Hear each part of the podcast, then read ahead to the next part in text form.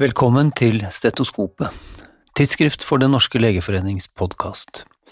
Hver annen uke med helseaktuelle gjester i studio, og hver annen uke Redaktørens hjørne, der jeg, Are Brean, sjefredaktør i tidsskriftet, gir deg en høyst subjektiv, ofte litt uhøytidelig gjennomgang av de nyeste forskningsartiklene, sakene og debattene i de største internasjonale generellmedisinske tidsskriftene. Først i dag skal vi til Nature, som i en bredt anlagt nyhetsartikkel rapporterer funn fra to preprinter, begge publisert på preprintserveren Research Square. Det er en preprintserver vi har snakket om før her i Redaktørens hjørne. Denne nyhetsartikkelen er interessant av flere årsaker, for det første på grunn av funnene som rapporteres, for det andre på grunn av det faktum at selveste Nature velger å lage en omfattende eh, nyhetsartikkel på bakgrunn av to ikke fagfellevurderte preprinter det tror jeg faktisk aldri har skjedd før. Og for det tredje fordi forskerne selv har nektet å kommentere sine egne funn i Nature, med den begrunnelse at preprinten ennå ikke er fagfellevurdert. Men altså, til artikkelen. Forskere fra Louis Pasteur-instituttet i Paris, sammen med forskere fra Laos, har undersøkt forekomsten av koronavirus i spytt, urin og avføring hos flere hundre flaggermus i Laos, og deretter sekvensert virus-DNA-ene. Tre av virusene fra Laos viste seg å være de mest SARS-CoV-2-lignende virus som noensinne er oppdaget, men er innpå identiske reseptorbindende domener som viruset vi kjenner fra, Wuhan. Dette er altså de aller nærmeste slektningene til viruset som nå herjer verden, og som infiserte de første mennesker svært langt fra Laos.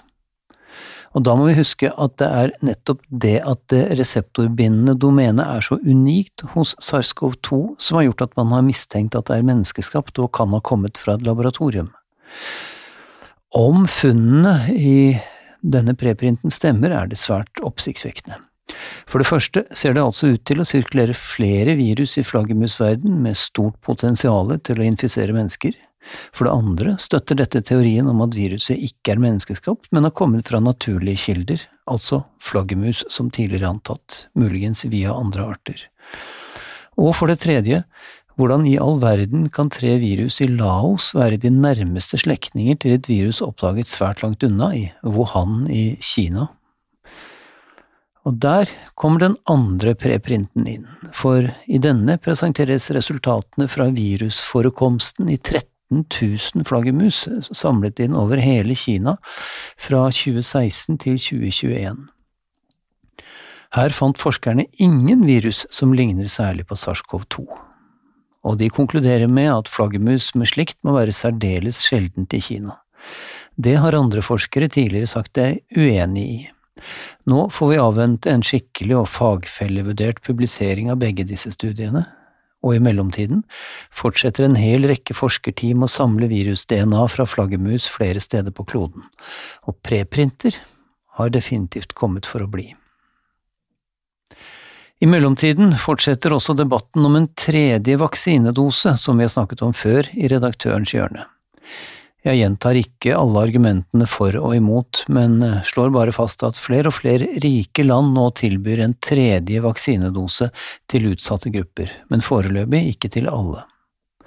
Derfor skal vi holde oss i tidsskriftet Nature, som har gjort et dypdykk ned i den mystiske fenomenet avtagende vaksinerespons. Og Nature spør spiller det noen rolle at effekten ser ut til å avta med tiden, og gjør nå egentlig effekten det? Det som er ganske ukontroversielt i saken, er det faktum at nivået av sirkulerende antistoffer avtar med tiden etter vaksinetidspunktet, og at risikoen for SARS-CoV-2-infeksjon øker med tiden, slik det nylig ble vist i en større seks måneders oppfølgingsstudie i New England Journal of Medicine. Men som også flere andre, riktignok observasjonelle studier har vist fra blant annet Israel. Men det som fortsatt er uavklart, er hvorvidt også beskyttelsen mot alvorlig sykdom og død avtar med tiden. Og det er kanskje det viktigste å besvare før man går i gang med massevaksinasjon med en tredje dose. Dette, sammen med den skrikende skjeve vaksinefordelingen i verden, er det som gjør at blant andre eh, sjefen i Verdens helseorganisasjon, har gått hardt ut mot land som tenker å tilby en tredje vaksinedose til alle innbyggere allerede nå, slik vi har snakket om før. Så, hvor viktig er egentlig de sirkulerende antistoffene for vaksineeffekten sammenlignet med den cellulære responsen, og avtar også den cellulære responsen i takt med nivået av sirkulerende antistoffer? Mye tyder på at sammenhengen her ikke er helt lineær, kanskje tvert imot. Den cellulære immunresponsen ser ut til å vare betydelig lenger, og mens sirkulerende antistoffer beskytter deg mot infeksjon, er det først og fremst den cellulære responsen som beskytter mot alvorlig sykdom. Det finnes ennå ikke særlig mye data som har fulgt både humoral og cellulær respons etter SARS-CoV-2-vaksiner over tid. Ja, da må vi faktisk til preprint-verdenen igjen for å finne noe slikt. For en interessant nylig studie publisert på preprint-serveren BioArchives har gjort nettopp dette, og funnet at nivåer av T-celler holdt seg stabil i over seks måneders oppfølging etter vaksine, mens nivået av responderende B-celler faktisk fortsatte å øke i hele perioden eh, seks måneder etter vaksine. Ifølge, eh, ifølge, forskerne bak studien ser det ut til at dette er en egenskap ved RNA-vaksiner spesielt, siden den langvarige og økende B-celleresponsen er kraftigere enn ved eldre typer vaksiner. Men støtter da kliniske data dette? Tja, er vel svaret. Kanskje.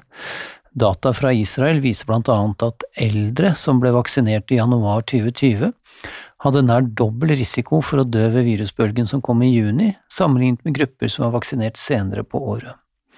Og eldre, også i Israel, som får sin tredje vaksinedose, ser ut til å være betydelig bedre beskyttet, også mot alvorlig sykdom, enn eldre som bare har fått to vaksinedoser. Så kliniske data støtter altså ikke helt dette med B- og T-celler og økende immunrespons, men eh, de kliniske dataene er som kjent ganske skitne, det er observasjonelle data med alle de muligheter for skjevheter og usikkerheter det innebærer, så ja, debatten fortsetter, men blir stadig mer opplyst også her, mens vi venter på at resten av verden skal få sin første vaksinedose. Apropos vaksiner, eh, skal vi en tur innom New England Journal of Medicine igjen, der immunologen Lyndis Stewart har skrevet noe så sjeldent for et vitenskapelig tidsskrift som en takke- og lovprisningstekst. Den går til verdens vaksineutviklere, i takknemlighet for den utrolig raske utviklingen av SARS-CoV-2-vaksiner og spesielt går den til de to Drew Weissman og Katalin Carico, som er de to mest sentrale basalmedisinske forskerne bak de siste tiårenes innsats for å gjøre mRNA-vaksiner mulig. Det siste store hinderet for å få til mRNA-vaksiner, nemlig kunsten å levere RNA til cellen uten at det blir hydrolysert, den ble løst i 2017, nettopp takket være stor innsats fra disse to og resten er, vel, vitenskapshistorie. Spesielt Karikos personlige historie er verdt å feste seg ved, nettopp fordi den er så vanlig, ja, nesten banal. Hun eh, er født i Øst-Europa under beskjedne materielle forhold, emigrerte til USA for å studere og forske, fikk etter mange års kamp om forskningsmidler til sist både ansettelse og egen forskningslab. Hun gikk frivillig ned i lønn etter hvert for å redde laben fra stipendetørke og fullstendig nedleggelse, osv., osv. Vi kjenner alle den nærmest generiske historien, men likevel, også i vår hjemlige andedams innvandringspolitiske debatt er det verdt å huske dette. mRNA-vaksinene, som har spart millioner av menneskeliv over hele kloden, under denne pandemien har vi i stor grad å takke en fattig innvandrerkvinne som fikk og tok sjansen i et nytt land. Vi skal holde oss i New England Journal of Medicine, men vi skal over til en svært vanlig problemstilling i allmennpraksis. For hvor lenge skal man fortsette medikamentell antidepressiv behandling for en pasient som er i bedring? I en randomisert dobbeltblindet studie som involverte 150 allmennpraksiser i England, ble voksne som var i bedring fra langvarig depresjon, randomisert til enten å kontinuere behandlingen eller trappe den ned til seponering og erstatte den med placebo.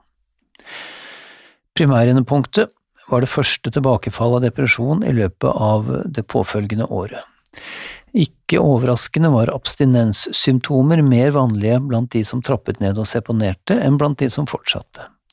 Tilbakefall forekom hos 56% av pasientene som avbrøt behandlingen, sammenlignet med 39% hos de som fortsatte å motta antidepressiva.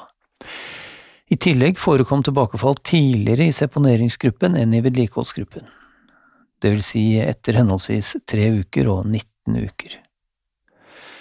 Dette er viktige, men skuffende nyheter, skriver Jeffrey Jackson i en korresponderende leder i New England. Likevel, de inkluderte pasientene hadde alle hatt to eller flere tidligere depressive episoder, og om resultatene er generaliserbare til folk med førstegangsdepresjon, er helt uvisst. Og kanskje den viktigste konklusjonen her er at tilbakefall var svært vanlig i begge grupper, også hos de som fortsetter på medikamentell antidepressiv behandling. Det er i seg selv et svært godt argument for jevnlig oppfølging av denne pasientgruppen, også i tiden etter at depresjonen har gått over. Og dessuten peker resultatene nok en gang mot det faktum at medikamentell antidepressiv behandling på ingen måte er et optimalt alternativ. Men det visste vi jo fra før. Risikoen for autismespekterlidelser har vært forsøkt assosiert med en lang rekke ytre faktorer. Vi husker jo alle uh, Wakefields forfalskede data når det gjaldt vaksiner og autisme. Siden er det slått fast at tilstanden, som så mange andre tilstander, har en genetisk komponent, og med en eller flere sannsynlige miljømessige triggere eller moderatorer i tillegg. Men hvilke er disse? Epiduralanestesi hos mor har vært fremholdt som en mulig slik trigger. Dette etter at en større kohortstudie i Yama Pediatrics i fjor mente å påvise en slik sammenheng. De av lytterne som har bedre hukommelse enn meg, vil kanskje huske at jeg snakket om denne studien og kritikken mot den her i redaktørens hjørne for ganske nøyaktig ett år siden. Nå har studien fått evidensbasert svar på tiltale i to store retrospektive kohortstudier, begge publisert i Yama denne uken. Den ene inkluderer alle barn født i Danmark mellom 2000 og 2013. Justert hasardratio for autisme hos barn utsatt for epiduralanestesi hos mor var 1,05 sammenlignet med barn uten slik eksponering. Men eh, 95% konfidensintervall går ned til 0,98, altså krysser 1, og konklusjonen blir da det er ingen sikker sammenheng. Den andre studien har et tilsvarende design og inkluderte barn født i British Columbia i Canada mellom 2000 og 2014. Her finner forfatterne en så vidt signifikant sammenheng, men den forsvinner ved sensitivitetsanalyser og i tvillingmatchede analyser. Konklusjonen som trekkes i en korresponderende lederartikkel, er at det ikke er noen grunn til å la risikoen for autismespekterlidelse hos barnet spille inn på vurderingen av hvorvidt mor skal gis epiduralanestesi eller ikke. Over til noe helt annet, slik man gjerne sier når man ikke har noe mer elegant overgang å by på. Vi skal til plossmedisin. Fysisk aktivitet er bra for helsen. Det minker blant mye annet risikoen for hjerte-karlidelser og uh, total mortalitetsrisiko. Men flere har vel, som meg, hørt at den fysiske aktiviteten må vare en viss tid for å være helsefremmende. Men hva er egentlig evidensen for det? Kan ti tominuttersturer opp trappen i løpet av dagen være like helsefremmende som en 20 minutters tur på kvelden, da du rekker å bli både svett og varm? Det er jo bare denne siste som gir følelsen av å ha trent litt. Det er spørsmålet forskerne bak den aktuelle studien, publisert i PLOS Medisin, har stilt seg. De benyttet data fra den britiske UK Biobank, der nesten 80 000 deltakere med en snittalder på rett over 60 år fikk akselerometer målt sin daglige aktivitet, og deretter ble fulgt i noe over fem år i gjennomsnitt. Ikke overraskende var det en klar sammenheng mellom mortalitet og totaltid brukt på moderat fysisk aktivitet. Mer overraskende var det at når man sammenligner deltakere med mer sammenhengende treningstid med de med kortere økter, helt ned i ett minutt per økt, var det ingen forskjell i mortalitet mellom dem, vel å merke så lenge totaltiden, aktivitet og intensiteten per dag var lik. Med andre ord, ta trappen, Gå til butikken, utnytte alle små muligheter til moderat fysisk aktivitet som dagen gir. Det ser ut til å gi like gode helsegevinster som sammenhengende lengre turer av samme intensitet. I alle fall om vi skal ta funnene fra denne undersøkelsen for god fisk. Til sist i dag skal vi til Nobelprisen. Vel, ikke helt, vi skal til Ig Nobelprisen.